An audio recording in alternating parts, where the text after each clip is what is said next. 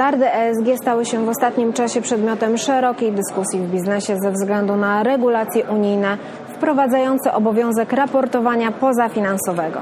Biznes odgrywa istotną rolę w dochodzeniu do celów klimatycznych Europy. Działania biznesu mogą być inspiracją dla samorządów, nie tylko w zakresie wyznaczania przepisów dla lokalnych przedsiębiorców, ale także dla własnych wewnętrznych systemów zarządzania jednostką samorządową. Dzisiejsza dyskusja dotyczyć będzie ESG w ujęciu trendów i wyzwań dla sektora publicznego. Think Green czyli firma neutralna klimatycznie. Jak wykorzystać praktyki korporacji do efektywnego zarządzania zieloną transformacją gmin? Czy myślenie o klimacie może stać się filarem działalności jednostek samorządowych?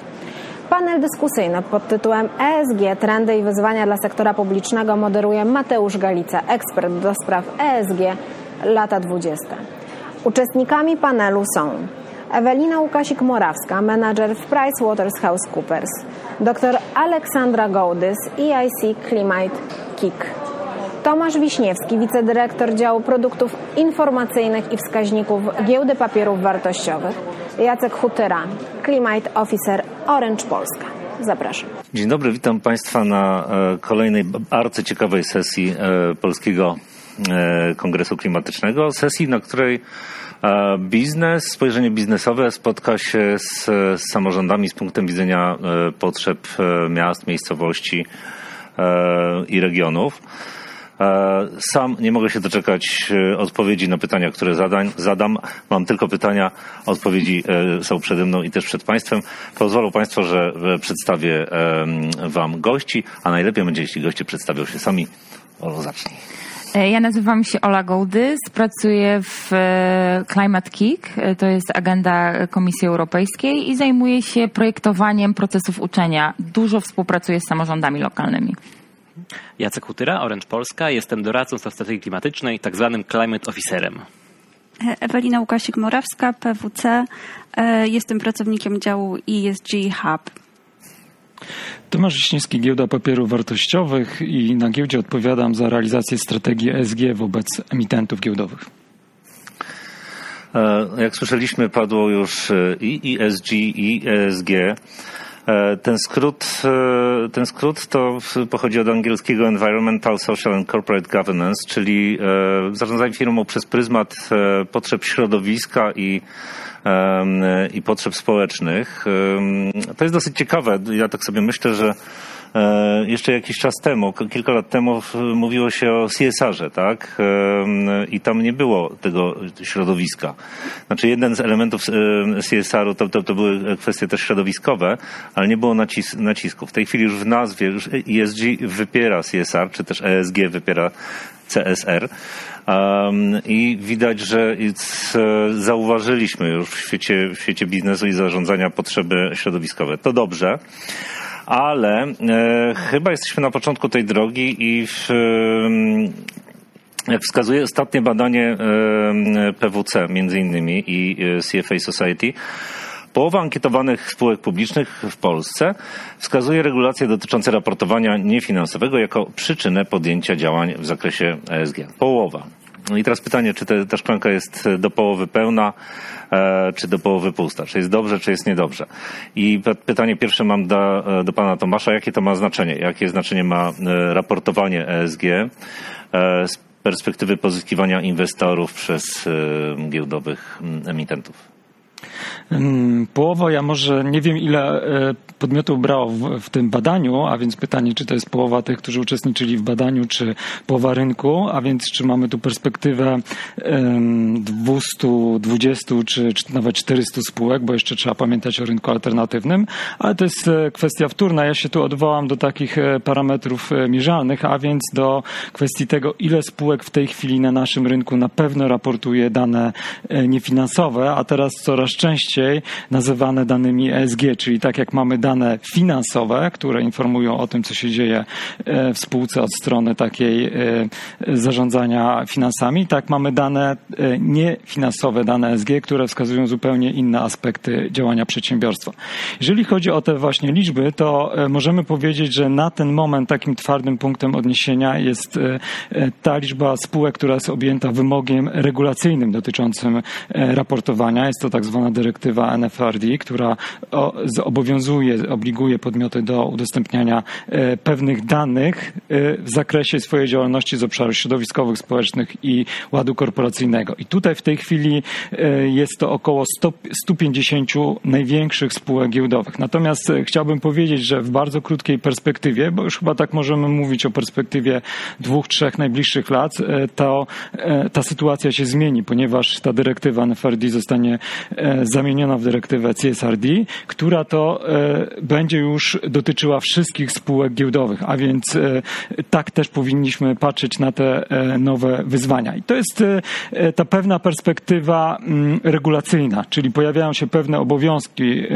wobec emitentów i oni muszą udostępniać jakieś tam dane. Natomiast warto pamiętać, i to jest pewien taki istotny w tej chwili czynnik zachęcający, a być może nawet zmuszający spółki giełdowe do działania, do raportowania w zakresie danych niefinansowych. Mianowicie chodzi mi tutaj o zapotrzebowanie zgłaszane przez instytucje finansowe. W tej chwili największe fundusze inwestycyjne, te globalne, takie jak BlackRock, Vanguard, w zasadzie mają już w swoim DNA zapisane, że proces inwestycyjny bazuje na analizie danych niefinansowych, czyli pierwszy etap tej decyzji, wejściu czy nie wchodzeniu w daną inwestycję, jest realizowany na podstawie analizy danych niefinansowych. I dopiero potem są podejmowane kolejne analizy z tym związane.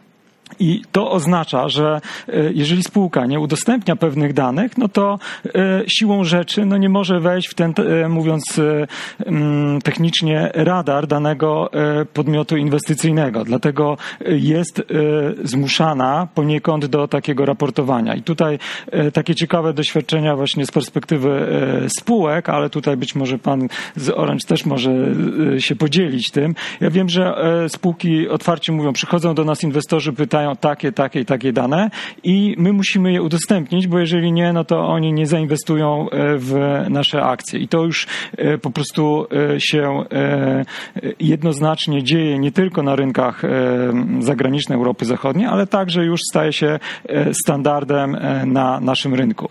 I ma to przełożenie też ważne na tą perspektywę właśnie inwestorską. Pojawia się coraz więcej funduszy, które właśnie skupiają się na inwestycji takiej tematycznej, a to, że coś jest na rzeczy, pokazują pewne e, dane e, na temat indeksów giełdowych. Jest taki wskaźnik e, indeksu, indeks rynków rozwijających się globalnych i indeks spółek, które spełniają najwyższe standardy w obszarze ESG. I okazuje się, że w okresie ostatnich 10 lat, o ile ten pierwszy wskaźnik zyskał około 60%, to ten drugi wzrósł ponad 150%. No i to jest ten taki wymierny parametr, który potwierdza, że e, warto w tym przypadku e, być spółką, która stawia wysokie priorytety na kwestie związane z ESG.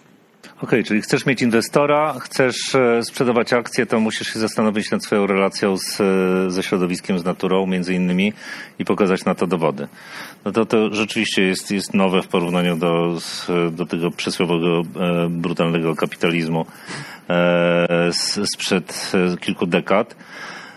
No ale dobrze, jak to zrobić? Bo to tak łatwo powiedzieć. Miejcie, miejcie strategię ESG. E, e, tylko ja z własnego doświadczenia wiem, że pracując z firmami, klientami, e, pierwszym problemem, z którym my się e, borykamy, to jest brak odpowiedniej osoby, która w firmie tym tematem się zajmuje. Raz to jest jakiś prezes z wizją, raz e, ktoś, e, dyrektor strategiczny, raz ktoś z marketingu, raz to jest kompetencja osób z PR-u, czyli to jest taka na razie jeszcze niezapisana kartka, jeśli chodzi o sposoby, sposób organizacji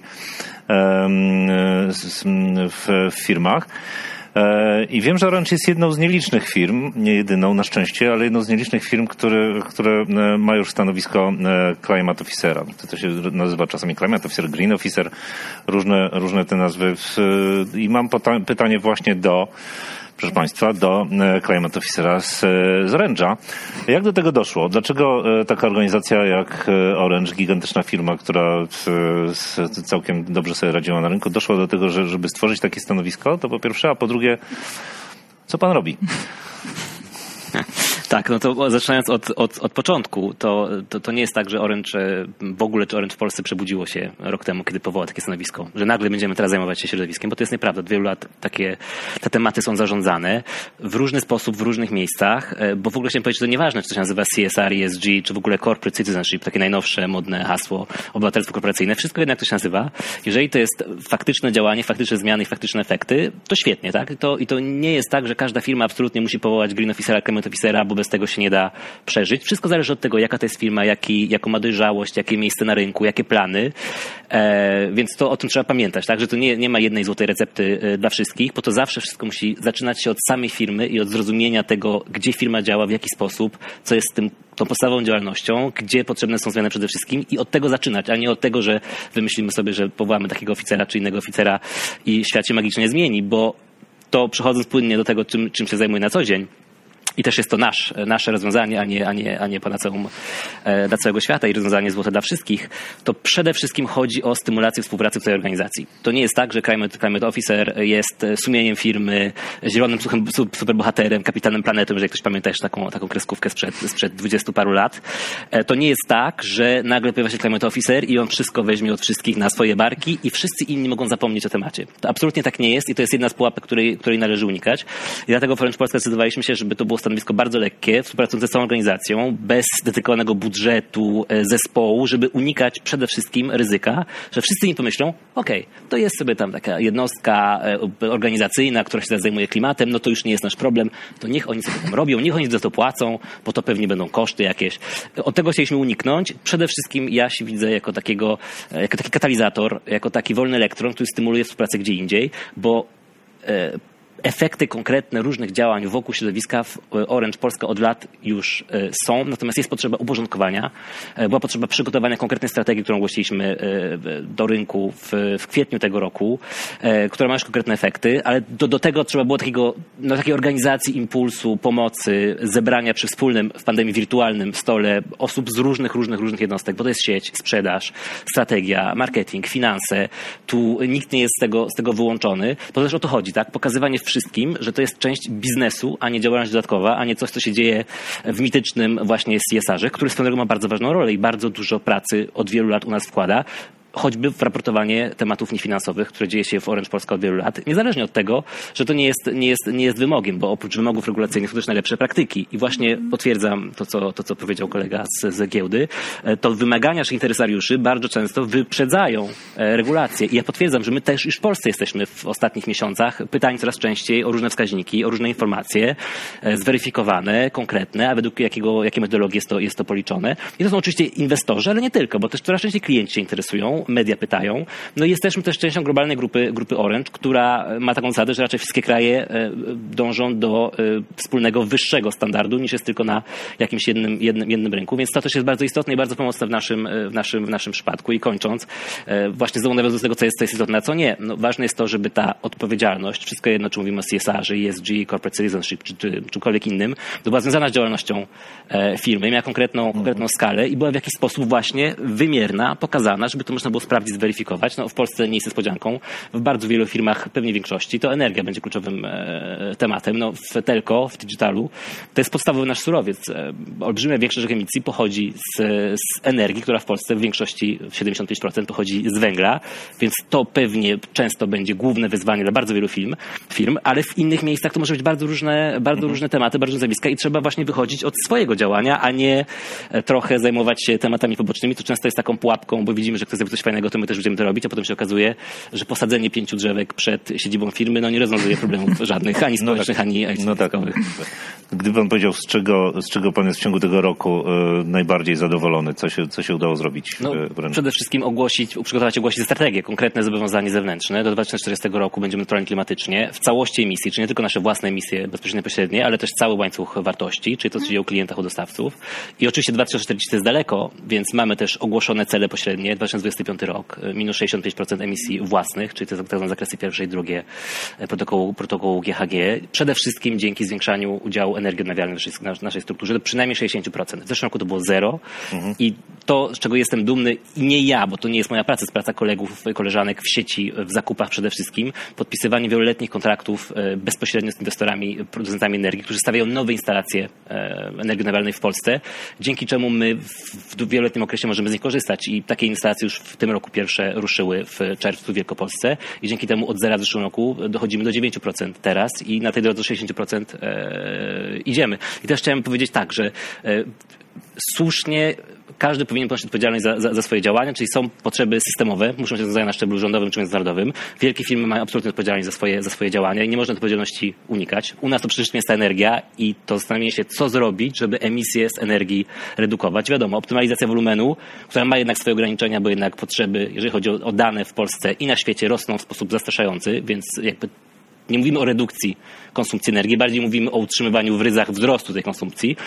Więc wtedy jest absolutnie niezbędne szukanie tych źródeł odnawialnych, no bo w inny sposób, w inny sposób nie da się ograniczyć znacząco emisji e, w Polsce w związku z tym, z tym węglem. Ale oczywiście klientów można też zachęcać, e, angażować, edukować, informować bez przerzucania ich odpowiedzialności, bo to nie to, że klient, nawet każdy, będzie dłużej korzystał z swojego e, starego telefonu, wybierze telefon nawialny, co odmieni świat. E, to, jest, to są ważne, indywidualne działania mające wpływ, ale każdy powinien zajmować się tym, za co odpowiada. My zajmujemy się energią, rozwiązaniami technicznymi, klientów zapraszamy, edukujemy, informujemy, choćby włącz tryb energooszczędny w swoim, w swoim, w swoim dekoderze telewizyjnym, zaoszczędzisz trzykrotnie na zużyciu prądu, który emituje gazy cieplarniane. Ale to jakby my dostarczamy rozwiązanie, odpowiadamy za to, klienta możemy wyedukować, zaprosić. Podobnie z dostawcami zresztą mhm. i współpracą w tym zakresie. Okej. Okay. No dobrze, ale nie, każdy ma, nie każda firma ma takie szczęście na razie, że pomyślała o tym wcześniej, że ma swojego właśnie climate officera, który E, spaja te działania. E, e, u Was poszliście w kierunku energii. Rzeczywiście w różnych biznesach może być różnie. Czasami w jednych są ważniejsze kwestie związane z transportem, w innych mniej, w produkcji żywności. No to Was nie dotyczy, ale w przypadku produkcji żywności też, też bardzo wiele można zrobić. Jak zacząć tę robotę? Jak, jak zacząć pracować z firmą, która która chce wytyczyć sobie, ustalić sobie cel, i skutecznie go skutecznie dystrybuować te informacje wewnątrz firmy i uruchomić te procesy. I tutaj pytanie do, do, pani, do pani Eweliny. E, w jaki sposób, jakie wy macie na to e, pomysł, spojrzenie, czy, czy, czy może, nie wiem, szkolenia, czy spotkania, czy jakieś wypracowane modele pracy z firmami? Jak zacząć? Ja też mam takie dość duże, wieloletnie spojrzenie, bo mam dziesięcioletnie doświadczenie z tematyką ESG, czyli to, co wcześniej na, na, rynku polskim było traktowane jako tak zwana filantropia czy CSR na rynkach zachodnich, to już były praktyki, które były stosowane, niemniej nie były regulowane tak bardzo jak do tej pory, czyli po pierwsze regulacje, które e, wprowadza e, taksonomię SFDR, e, czy, czy kolejne, które będą wchodziły, czyli CSRD. To oczywiście jest tak jeden z głównych driverów, który będzie wpływał na to, że inwestorzy, tak jak już było wspomniane, będą coraz bardziej wymagać, czy też inwestorzy na rynku, na rynku Europy Środkowo-Wschodniej, bo tak naprawdę inwestorzy na rynkach zachodnich od wielu lat już wymagają i tworząc swoje portfolia, śledzą to, co firmy robią w tematyce środowiskowej, społecznej i ładu zarządczego. E, więc mm, jeśli spółka jest na etapie gromadzenia informacji, bo tak naprawdę od tego trzeba zacząć. W momencie, jeśli nie, gromadzimy informacji, to nie jesteśmy w stanie przygotować dobrego jakościowo raportu. Więc to jest pierwszy krok, który musi być wykonany, a właściwie najlepiej, żeby był on y, te, te dane były gromadzone przez y, przynajmniej 2-3 lata, bo to jest taka dobra, silna podstawa do tego, żeby móc ocenić, co się dzieje i wskazywać trendy, bo inwestorzy też patrzą na trendy, jak zmienia, zmienia się jak zmieniają się wyniki firmy w obszarze środowiskowym, czyli na przykład zużycie energii, wody, ścieków i tak dalej. Ale te, dane, ale te dane, definiujecie je za każdym razem e, z firmą od początku, czy używacie z gotowych wzorców, jak nie wiem, jak na przykład po pierwsze, taksonomii? Po pierwsze czy... zaczynamy od, e, od e, określenia, kto jest moim interesariuszem, czyli określam swoje audience, osoby, które będą odbiorcą, głównym odbiorcą tego raportu. To jest pierwsza, pierwsza rzecz. Druga rzecz są to tak zwane matryce materialności, czyli elementy, stałe wskaźniki plus wskaźniki, które będą bardzo specyficzne dla danego przemysłu, bo oczywiście inne wskaźniki będą kluczowe dla przemysłu spożywczego, czy e, inne dla e, przemysłów ciężkich, czy oil i gas, czy extractive industries. Więc to, to będzie jakby determinowało to, jaki będzie taki bardzo, bardzo szczegółowa, szczegółowa matryca materialności. Później oceniana jest dojrzałość danej organizacji, czyli sprawdzamy na jakim etapie jest firma, czego jej brakuje, na co powinna zwrócić szczególną uwagę. E, bardzo istotne też jest to, jak zarządza łańcuchem dostaw, więc to już też, też już było wspomniane. Kolejna kwestia to też dojrzałość organizacji, czyli na jakim etapie jest po pierwsze Rada Nadzorcza ze swoją świadomością w tematyce e, odpowiedzialnego biznesu, e, zarząd, później działania operacyjne, tak jak już to było wspomniane, jakby te działania operacyjne są clue, bo one dostarczają tych danych. Gromadząc te wszystkie aspekty, jesteśmy w stanie stwierdzić, gdzie jest firma, jakie są główne gaps i jakie powinny być kluczowe kolejne kroki. Więc e, tak pokrótce wygląda cały proces. W momencie, kiedy mamy już tą matrycę materialności, mamy określoną grupę interesariuszy. Mamy też wybrane wskaźniki. Tworzymy po pierwsze strategię. W ramach strategii, bo strategia, strategia ESG firmy jest ogólnym dokumentem, natomiast w momencie, kiedy już mamy tą strategię, jesteśmy w stanie też dostosować polityki, które powinny być kluczowymi politykami. To też jest wszystko jakby determinowane tym, jaki to jest przemysł. E, oczywiście są też takie polityki, które są e, stałe dla, dla każdego przemysłu, czyli polityki związane typowo z ładem zarządczym, e, polityki związane ze środowiskiem. I tutaj też y, jeśli jest to na przykład bank, to możemy się pokusić o wykorzystanie takich bardzo, e, bardzo wysokich standardów, standardów e, banków, na przykład e, duńskich, holenderskich czy w Europie Zachodniej i wtedy to są bardzo szczegółowe polityki. Natomiast na potrzeby i dojrzałość rynku Europy Wschodniej zaczynamy od bardziej ogólnych polityk i w momencie, kiedy firma nabiera dojrzałości i też jej odbiorcy, odbiorcy firmy, czyli interesariusze są bardziej dojrzali i świadomi, wtedy do, wtedy budujemy bardziej szczegółowe dokumenty. Ale to są kolejne etapy i to, są, e, to już jest taka perspektywa kilkuletnia tak naprawdę. Mhm. No dobrze, ja teraz jeszcze podpytałbym, no bo pamiętajmy, że cała ta rozmowa ma też za, zainspirować samorządowców, samorządy do, e, do tego, żeby działać. Gdzieś tam się pojawiła taka teza, mogłoby być zrozumiane, e, że, że to firmy mają być jakimś przykładem dla samorządów i, i od firm powinny e, iść inspiracje. Bardzo dobrze. Ale z drugiej strony ja sobie pomyślałem, że to jak firmy przez, przez całe dekady e, e, miały w swoich strategiach prawie wyłącznie słowo wzrost. Kiedyś był double digit growth, a teraz jest just growth i w tej chwili nagle jest, od kilku lat jest takie szersze zainteresowanie kwestiami środowiskowymi, no to umówmy się, że samorządy w swoim DNA e, mają e, wpisane właśnie ESG, bo e, mają zarządzić ludźmi mieszkającymi na jakimś terenie, tworzyć im warunki do życia oraz samym tym terenem.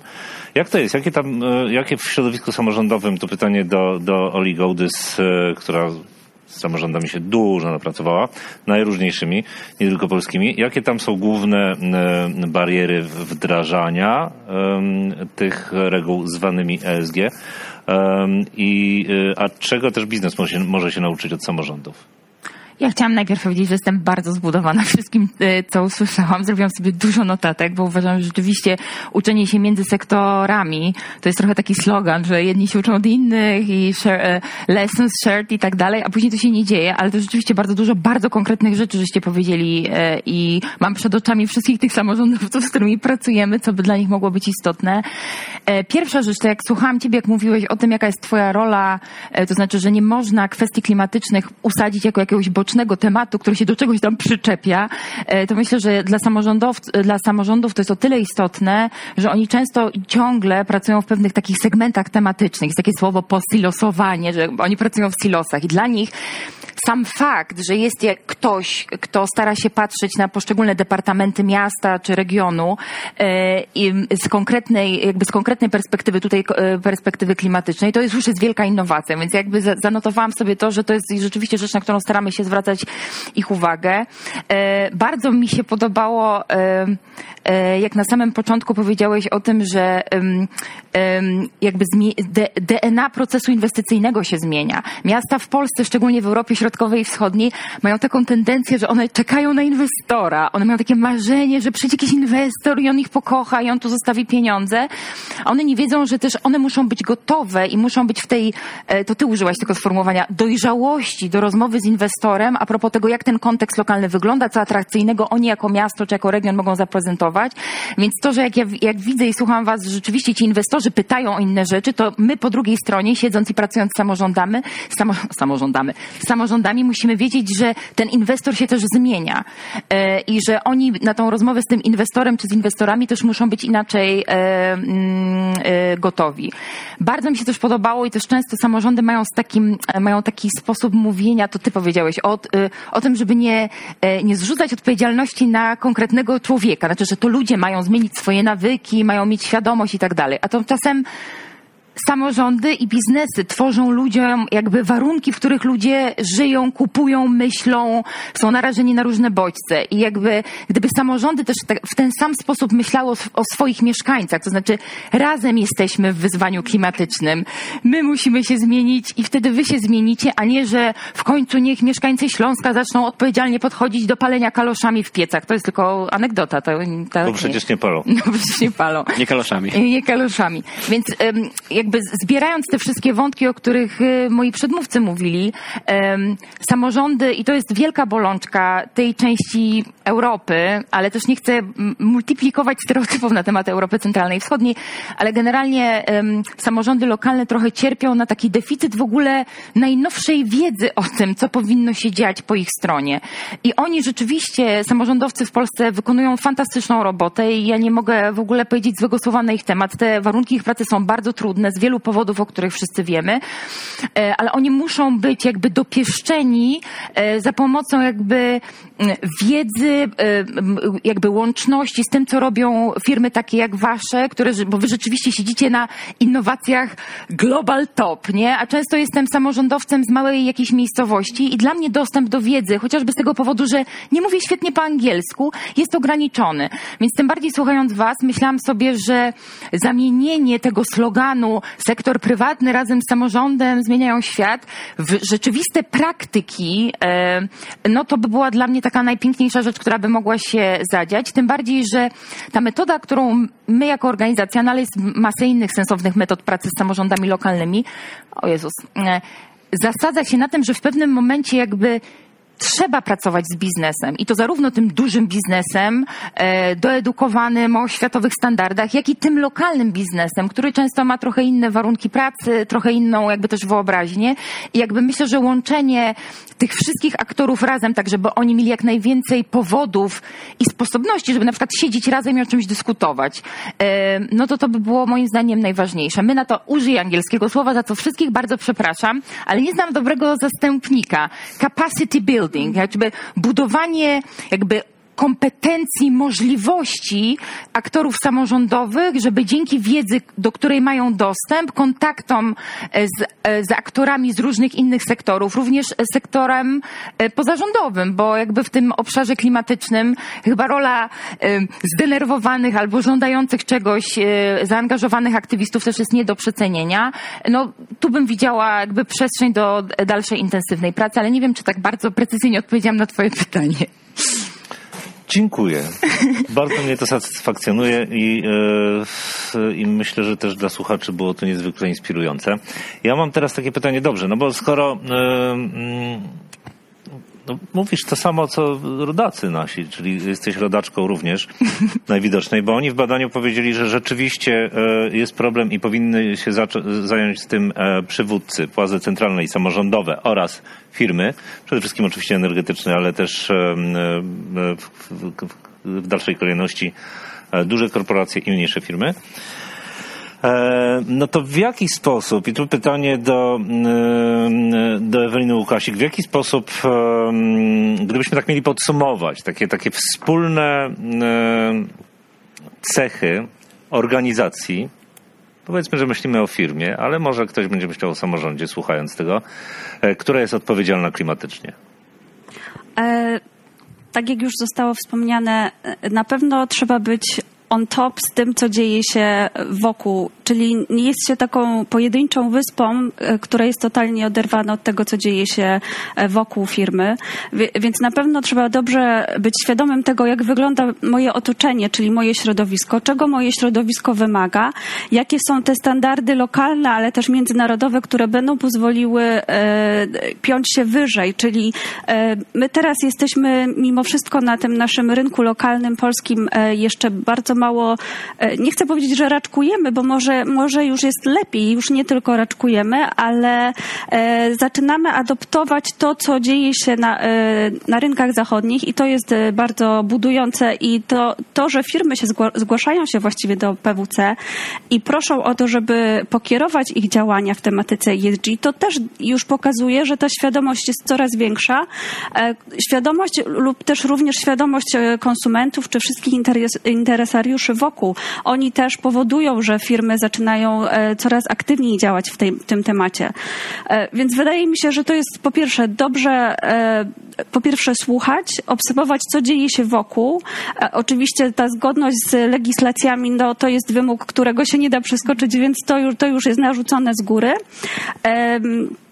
Śledzimy standardy dzielenie się wiedzą i dobrymi praktykami e, i ta współpraca międzysektorowa, ale też współpraca właśnie public-private partnerships, czyli coś, co e, jakby daje korzyść obopólną zarówno i e, firmom, firmom prywatnym, bo mogą dzielić się swoim know-how, ale też mogą dzielić się dobrymi praktykami, wspierają też działania lokalnie, bo przecież te duże firmy tak naprawdę funkcjonują na rynkach naszych domowych, lokalnych, więc one nie są oderwane od rzeczywistości, mimo tego, że są to duże korporacje. Mhm. No dobrze, tutaj e, już dwa razy padło, że ta Europa Środkowa, że to tak troszkę z tyłu, że, że, że, że problemy. Ja, no rzeczywiście, na pewno e, wiemy to zresztą, że jeśli chodzi o e, taką żwawość podejmowania różnych działań i, i jako państwa, i jako w, i, w, i w gospodarce, no to może nie jesteśmy w czołówce. Pocieszające jest też to, że myśmy kiedyś brali udział w takim programie Baltic Lead skierowany do krajów bałtyckich i Europy Środko- Wschodniej. Przez, e, tam była wybrana grupa kilkunastu osób e, pracująca w dziedzinie transformacji e, klimatycznych z różnych krajów. Przechodziła przez nas taka ostra granica, jesteśmy w Unii albo nie jesteśmy. No inaczej się rozmawiało ze Szwedami, nie wiem, Litwinami, ale jak się zaczynało rozmawiać z, z Gruzinem, z, z, z Białorusinem, z, z Rosjanką, to no ja wtedy zrozumiałem, jak, e, w jakim my jesteśmy totalnie innym świecie. Tak? No i teraz, e, tak jak e, samorządy mają swój, swój bat regulacyjny, który jednak zmusza do pewnych działań, tak, tak firmy mają bat, bat inwestorski. To jest też regulacyjny, ale dodatkowo jeszcze inwestorski. To teraz wróćmy na giełdę na chwilę. Bo stała się fajna rzecz i z tego co słyszałem, to, to, to wcale nie jest standard i to wcale się na, na giełdach świata tak specjalnie nie dzieje. Z tego co słyszałem, to trzy giełdy w, w Europie um, zrobiły krok w tym kierunku, przynajmniej to jest taka wiedza z pierwszej połowy roku. Um, giełda um, opublikowała przewodnik raportowania ESG i, e, i tworzy e, indeks WIG ESG E, wprowadziła w tym roku kodeks dobrych praktyk spółek, spółek giełdowych. Proszę o tym powiedzieć, na ile to może być przydatne e, mm, i w procesie przygotowania emitentów do, do, do, do, do nowych regulacji e, i nowych wymagań inwestorów, ale na ile, na ile też może to być jakaś na ile to się może przydać w tym drugim, e, w tej drugiej części świata, w, w organizacjach zwanych samorządami? Mhm. A więc jeżeli chodzi o przewodnik ESG, to tutaj e, dla nas były co najmniej dwie takie kluczowe inspiracje do przygotowania tego dokumentu. E, po pierwsze, bezpośrednie spotkania z inwestorami, przede wszystkim zagranicznymi, ale także krajowymi, które otworzyły nam oczy na pewne potrzeby co do konkretnych informacji w celu podejmowania tych decyzji inwestycyjnych.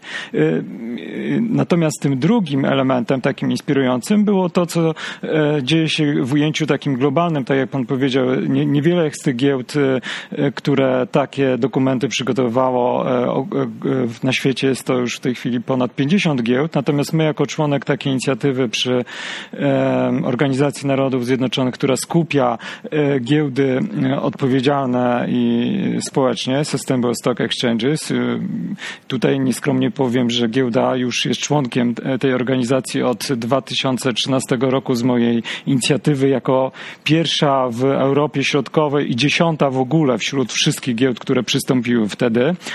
A więc prze, przez te 8 lat tego doświadczenia też zyskaliśmy pewną wiedzę takiego ciekawego ujęcia podejścia do tematyki ESG na różnych rynkach, bo to zupełnie inaczej wygląda, tak jak pan powiedział. Nie wiem, co pan chciał więcej powiedzieć, mówiąc, że inaczej to jest w Szwecji, inaczej w Rosji, a pewnie jeszcze inaczej, ja powiem, wygląda to e, w Indonezji czy Republice Południowej Afryki. Mamy takie raz na kwartał spotkania tych giełd w różnych godzinach. E, co prawda te same tematy są, ale ze względu na to, żeby zadowolić wszystkich uczestników, ze względu na e, strefy czasowe.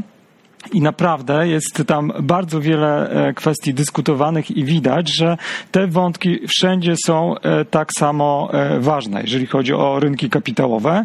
I tylko my mamy to szczęście, a może nieszczęście, to już zależy od interpretacji, że u nas w Europie trochę inaczej wyglądają te kwestie regulacyjne. W krajach Azji czy Afryki tutaj takich podstaw w tej chwili nie ma, natomiast pojawiają się różne regulacje globalne, do których te giełdy e, starają się dostosować. Choćby dzisiaj e, e, miałem okazję zapoznać się z raportem giełdy japońskiej, która zachęca swoje spółki do raportowania wskaźników TCFD, czyli takich związanych z kwestiami ryzyka klimatycznego. Czyli oni nie mają swoich dyrektyw, nie mają jakichś rozporządzeń, ale są jakieś regulacje takie globalne i w ten sposób te spółki w to wciągają. A więc mamy te dwa właśnie elementy takie inspirujące. Potrzeba potrzeby inwestorów i, i, i takie ujęcie e, globalnych giełd. E, natomiast tym takim kluczowym elementem przy powstaniu tego e, przewodnika było dla nas znalezienia takiego złotego środka pomiędzy tym, co muszą robić spółki, czyli mówią, mamy jakieś regulacje, mamy jakieś obowiązki i różne zasady raportowania, bo są różne standardy, a z drugiej strony mamy kurczę tych inwestorów, którzy coś tam chcą. Jak to wszystko połączyć? My stwierdziliśmy, że zbierzmy głosy jednych jednych i drugich, czyli wysłuchajmy inwestorów, e, e, czego potrzebują, e, zapytajmy spółki, z czym mają problem i po prostu to razem połączmy. I tak właśnie powstał ten przewodnik. A więc taki dokument, który najkrócej mówiąc jest podstawą do tego, żeby stworzyć swój raport e, niefinansowy w takiej formule, aby była ona użyteczna dla inwestora. A więc jeżeli w tej chwili spółka e, się zastanawia, że muszę coś tam robić, bo mam jakieś wytyczne, bo mam jakieś różne regulacje, w zasadzie nie wiem, co najlepiej raportować, to jeżeli skorzysta z tego przewodnika, to będzie to dla niej e, użyteczne, bo będzie wiedziała, że jeżeli raportuje takie i takie dane, to spotka się to z zainteresowaniem danego inwestora i dzięki temu on on być może e, skupi się nad inwestycją w akcje tej spółki. I przekonało nas e, to między innymi jedno ze spotkań z inwestorem, który powiedział nam, jeżeli zrobicie taki przewodnik, który tam jedna z giełd zrobiła, nie będę podawał szczegółów, ale był też dla nas inspirujący, to ja wtedy wszystko będę miał, co potrzebuję, żeby zainwestować w tą spółkę.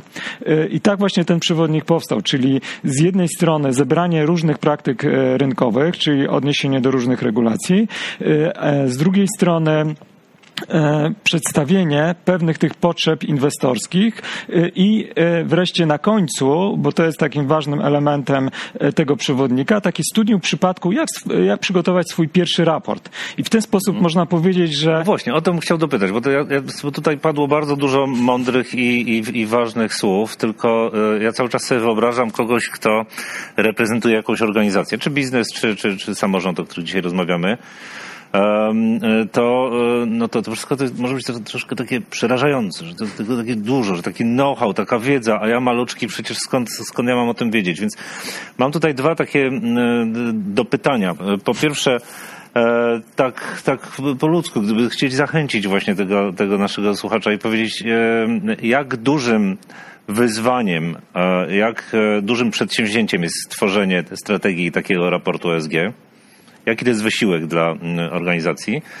A druga sprawa, bo też nas mogą słuchać różne firmy. Może nas słuchać cementownia i firma informatyczna. One z, definicji będą miały in, na przykład inne ślady węglowe. Może nas e, słuchać ktoś z samorządu e, na Suwalszczyźnie oraz na Śląsku. Też e, inne wyzwania i, niesprawiedliwie troszkę, prawda? No, te cementownia zawsze będzie miała gorsze, e, gorsze wskaźniki. Jak z tym sobie poradziliście, w, potem rankując, e, rankując firmy i ułatwiając inwestorom przede wszystkim mądre inwestycje nie tylko w firmy informatyczne, ale też czasami w cementownie. To jeszcze skończę moje zdania, więc y, tym samym, chciałem powiedzieć, że tym samym ten przewodnik jest takim elementarzem raportowania SG, czyli jeżeli jesteśmy, może użyję takiego określenia, e, zieleni albo zieloni w kontekście tematyki SG, wiemy, że coś tam gdzieś tam na horyzoncie się pojawia i czy to jest coś niebezpiecznego i nie wiemy, jak się do tego zabrać, to idealnym właśnie dokumentem może być ten przewodnik, żeby się z nim zapoznać. Nie jest to dokument długi, raptem niespełna 60 stron. Krok po kroku po prostu e, przeczytać te informacje, które są tam przedstawione, tak żeby dzięki temu, ja jestem, może nie będę reprezentatywny, ale jestem w stanie sobie wyobrazić, że ktoś po przeczytaniu, po lekturze tego dokumentu jest w stanie przygotować taki pierwszy, podstawowy raport, albo um, może to zrobić samodzielnie, albo nawet skorzystać z usług jakichś doradców, ale już będzie y, dla nich, um, uważam, takim um, merytorycznie za, zaawansowanym partnerem w takiej dyskusji. I teraz e, odpowiadając właśnie na Pana pytanie. Tutaj oczywiście są te różne uwarunkowania, jeżeli chodzi o perspektywę branżową, czy o kwestie no, doświadczenia, wiedzy, czy y, też y, kwestie też samych y, samorządów, a dlaczego nie? Co prawda jest to napisane, że przewodnik dla spółek giełdowych, natomiast ja bym w żadnym wypadku nie wykluczał tutaj żadnych podmiotów, czy podmioty, które nie są publiczne, czy właśnie samorządy, które mogą zainspirować się tym dokumentem do jakiegoś działania w procesie swojego raportowania. I tutaj e, tak e, poszczególne rozdziały, poszczególne informacje są przygotowane, że one będą adresować odpowiedzi ze względu właśnie na te specyficzne uwarunkowania. I to też będzie na pewno pomocne. Mhm. Dobra, tutaj y, mówiliśmy troszeczkę o różnych elementach raportu. Jeszcze y, upewnię naszych widzów, że pomimo, że Black Week się e, skończył, to raport jest całkowicie za darmo e, dostępny na, e, rozumiem, stronie giełdy, prawda? Na 100% znaczy potwierdzam. instrukcja. Super, to to jest bardzo dobra wiadomość. Korzystajcie Państwo. Mówiliśmy o, gdzieś tam po drodze, chyba za mało, a to ważne, o, o śladzie węglowym i i o liczeniu emisji. Pewno takim standardem jest, jest ten protokół Greenhouse Gas. E, czy, czy to powinna robić każda firma? Może pytanie, pytanie do, e, do pana Jacka. Czy to, czy to powinien być standard dla każdej firmy, dla każdego, nie wiem, producenta, usługodawcy, żeby, e, a następnie też jednostek publicznych, żeby, żeby mierzyć sobie ten ślad węglowy? Czy ja jestem osobiście absolutnie przekonany, że tak. No bo to też tylko wtedy będziemy mieli całość tego śladu węglowego, nie wiem, wszystko jedno w mieście, w kraju uchwycone, jeżeli wszyscy zrobią. Jeżeli się okaże, że no, połowa e, nie robi, połowa z drugiej połowy robi nie wiadomo jak, a jedna czwarta robi dobrze, no to tak naprawdę umyka nam mnóstwo, mnóstwo rzeczy i jestem przekonany, że, że, że tak. I są już takie kraje, e, na przykład Francja, gdzie pojawiają się obowiązki w tym zakresie i że wszystkie firmy powyżej jakiejś wielkości e, zatrudnienia czy jakiejś wielkości obrotu mają obowiązek na początek w tym zakresie emisji własnych, czyli zakres pierwszy i drugi tego słynnego protokołu GHG, takie, takie e, obliczenia i raportowanie prowadzić. Więc mhm. znaczy myślę, że to wszędzie się to, to, to wydarzy i nie ma co czekać, warto, warto się zająć wcześniej, zwłaszcza, że też pomaga trochę inaczej myśleć o swojej działalności. Pomaga mhm. wpisać się w to otoczenie, w relacje z interesariuszami w różnych wymiarach i coraz częściej ci interesariusze o to właśnie znowu pytają, o tym, o tym rozmawiamy, więc też nie ma co, co czekać, aż będzie prawda u nas czy w innym kraju, tak jak jest w tych krajach wiodących pod kątem regulacyjnym, tylko warto dla własnego, nie wiem, dobra, bezpieczeństwa, odpowiedzialności się tym, się tym zająć. Absolutnie uważam, że, że tak. Natomiast oczywiście to, to jest decyzja, która się wiąże z pewnymi e, jakby z nakładem pracy, z, z, z jakimiś działaniami, z odpowiedzialnością, no bo to później trzeba rozliczać i trzeba jakby się trochę w cudzysłowie tłumaczyć z tego, co się zaplanowało, co się naprawdę zrobiło i czy możemy to udowodnić. Ale raz jeszcze myślę, że jak najbardziej tak każda firma powinna się tym, tym zająć. Zaczyna oczywiście od tych największych, tak? Bo to też nie jest tak, że, że, że rodzina piekarnia na rogu będzie miała takie same i powinna mieć takie same obowiązki jak, jak wielka firma zatrudniająca dziesiątki tysięcy osób, ale no, jakby to jest przyszłość, to jest na kierunek. Mhm. Jeszcze tylko dla wyjaśnienia, że ten scope 1 i 2 e, śladu węglowego dotyczy działania samej firmy, a trzeci dotyczy też e, całego łańcucha dostaw, w którym jest firma i który już bardzo trudno policzyć, bo... To są bardziej szacunki niż tak, liczenie. Bo tak. trzeba by e, kazać policzyć z całej garści kolejnych, kolejnych firm i nie tylko firm. No dobrze, a, a trudno taki ślad policzyć? Jaki to jest, gdyby, gdyby pan miał e, powiedzieć, jak duży to jest proces, jak drogi jest to proces. Czy nie to ma na tak... to odpowiedzi. To zależy naprawdę od wielkości firmy, od tego, jak bardzo złożone są jej procesy, ile produktów, ile usług, na ilu rękach, w jaki, w jaki sposób. To może być bardzo proste, może być bardzo trudne. To naprawdę zależy od tego, co się ma dostępnego, jeżeli chodzi o dane, e, na jakim się jest poziomie rozwoju. I to świetnie Ewelina pokazywała cały ten proces. To nie ma, nie ma jednej odpowiedzi, żeby zacząć od zrozumienia tego, tak. gdzie się jest i co się robi. I wtedy się z tego okaże, ile pracy, ile czasu. No to nie jest coś, co można przez noc sobie zrobić, tak? czy z piątku na poniedziałek, bo ktoś o to, o to, o, o to pyta. Ale w zależności od naprawdę od wielkości firmy to może być mniejsze lub większe wyzwanie. Tak samo dla samorządów. Nie w takich samych miejscach są różne samorządy, różnej wielkości, w różnych, różnych miejscach, więc to, to no nie podjąłem się odpowiedzi, ile to, ile to kosztuje, ile to wymaga czasu, bo to naprawdę może być bardzo różne, różne wielkości. Można samemu wszystko zrobić, jeżeli się ma takie kompetencje. Można e, skorzystać z usług doradcy. To też wszystko e, jakby wpływa na, na to. Jeśli mogę tylko e, uzupełnić. Właśnie to... chciałem dopytać. tak, to jest też to, to, czym my się zajmujemy i w PWC też liczeniem śladu węglowego. I to jest też kwestia, która jest bardzo szeroko dyskutowana i z klientami, i z i głównym takim odbiorcą są teraz banki tak naprawdę, bo banki są zobligowane do tego, żeby ocenić, jak zielone są ich portfele inwestycyjne, więc w konsekwencji będą zmuszone do tego, żeby zaraportować i w ramach skołpu trzeciego też, co jest ogromnym wyzwaniem. I to jest wyzwanie nie tylko na naszym lokalnym rynku, to jest wyzwanie globalne tak naprawdę. Więc to jest coś, co będzie będzie się rozwijało i tak naprawdę jakość danych będzie wyznaczała to, jak dobrze to raportowanie będzie wyglądało.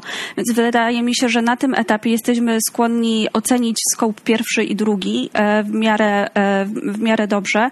Natomiast scope trzeci to jest, e, to jest kwestia, która jest cały czas dyskutowana, badana przez różne organizacje. Czy to jest jakby takie raportowanie w ramach TCFD, czy to jest raportowanie w ramach SFDR. Tak naprawdę to wszystko jest jeszcze kwestia kwestia dyskusyjna. Mhm. E, no dobrze, dużo, dużo ciekawych e, słów padło. Ja teraz e, zastanówmy się jeszcze raz, jak, jak samorządy mogą te praktyki w, wykorzystać. Czy, czy przygotowywanie strategii zielonych i raportów zgodnych z linią ESG można jakoś przełożyć według Państwa na instrukcje dla samorządowców? To może ja w dwóch zdaniach. Pewnym sensie prowok prowokacyjnie, ale może też inspira inspirująco. E, chciałbym po pierwsze zwrócić uwagę, że giełda to jest też miejsce dla, e, dla takich e, emitentów jak samorządy, czyli czy mam tu na myśli emitentów obligacji komunalnych. W tej chwili jest na giełdzie na platformie Catalyst notowanych 265 różnych emisji różnych samorządów, którzy właśnie pozyskują kapitał poprzez właśnie dług. I, I dlaczego nie możemy sobie wyobrazić, że e, samorządy też będą emitować obligacje zielone? Czy to są instrumenty zastrzeżone tylko dla przedsiębiorstw albo dla e, jakichś tam e, globalnych emitentów, czy państw, czy globalnych banków? Uważam, że nie. Tak samo e, mogą być adresowane dla e, samorządów. E, a dlaczego obligacje zielone? Dlatego, mimo tego, że cały proces związany z ich przygotowaniem jest bardziej kosztowny albo dłuższy, ale proszę mi wierzyć, na podstawie danych, które w tej chwili na rynku są dostępne, inwestorzy się o takie obligacje po prostu biją.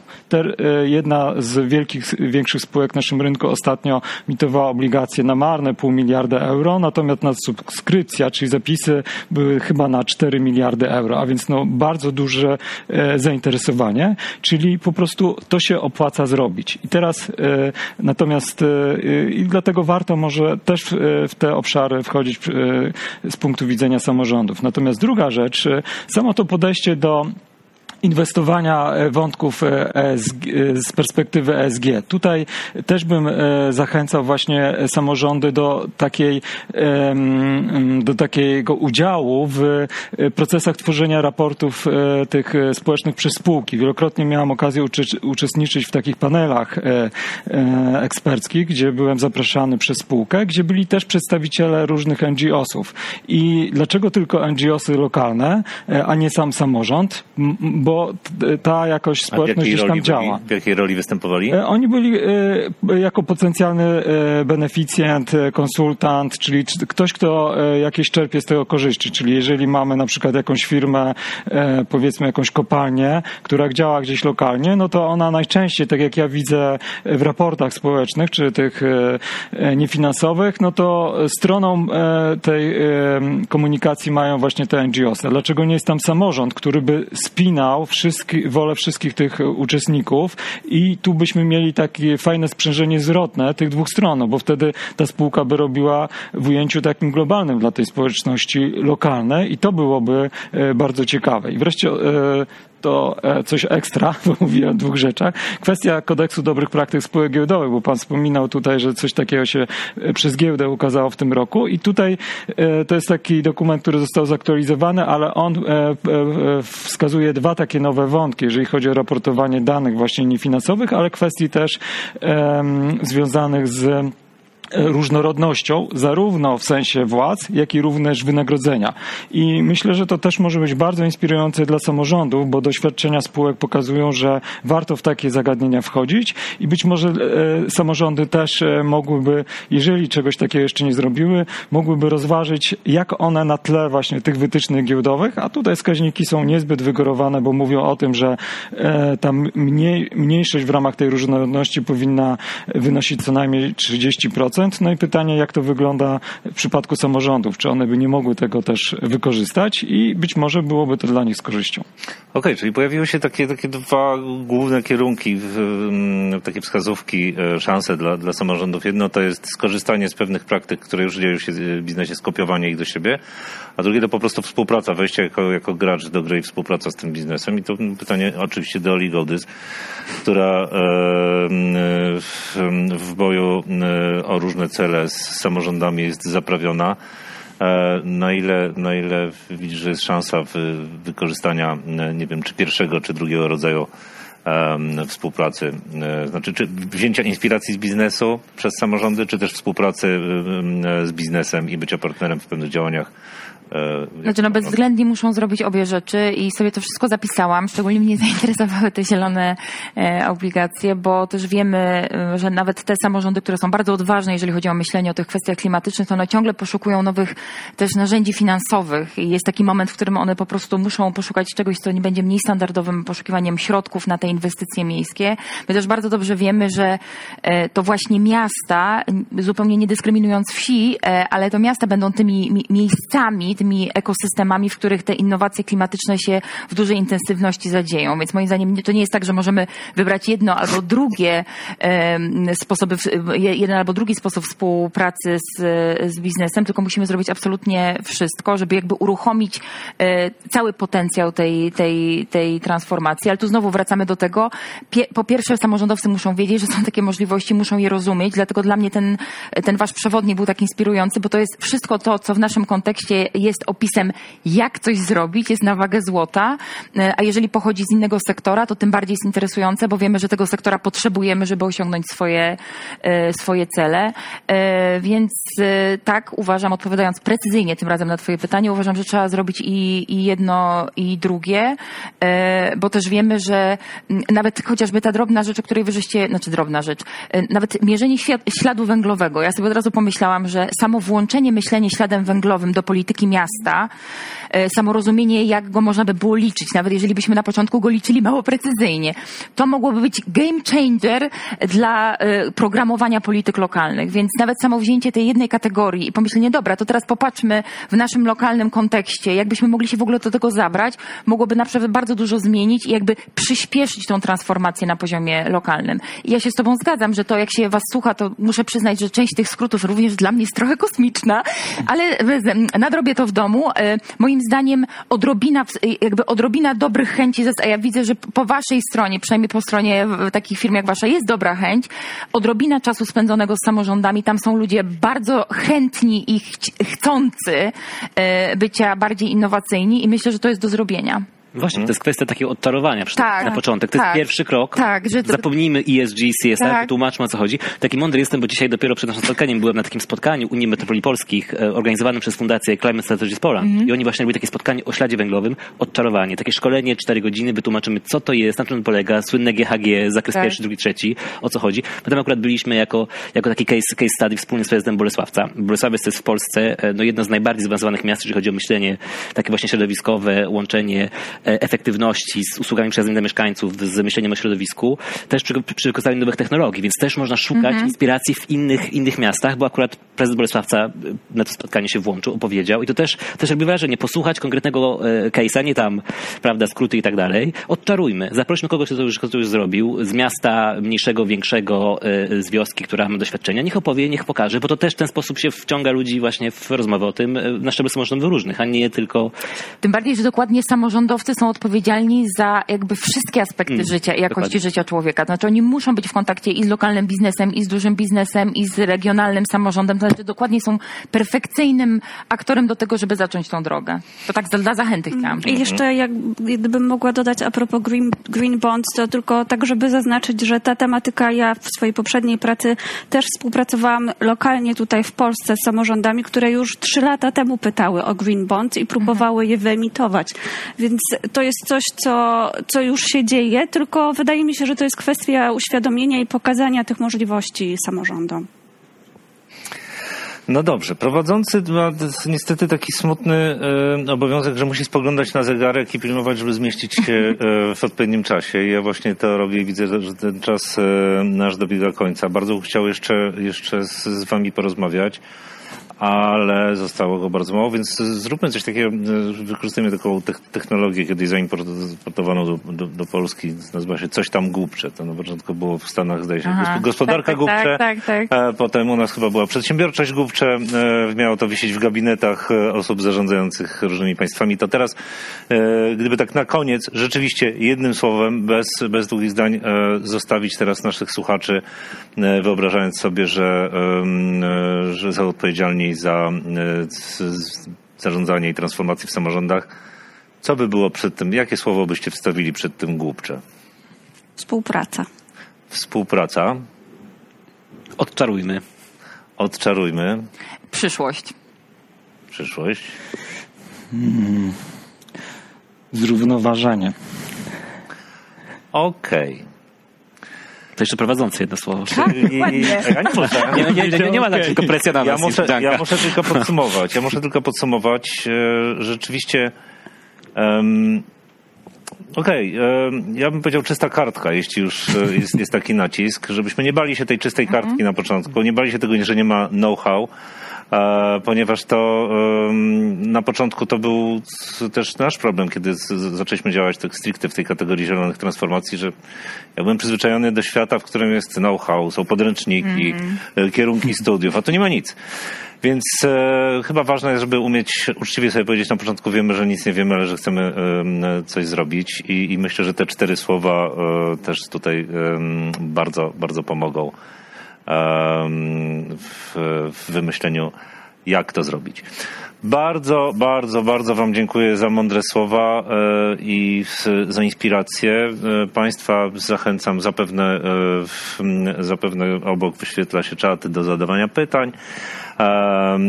Mam nadzieję, że nie skłamię, jeśli zachęcę też w imieniu moich e, rozmówców do, do, do kontaktu, e, ponieważ warto, warto, jak widać, to są kop- kopalnie inspiracji. Dziękuję. Dzięki. Dzięki. Dziękujemy.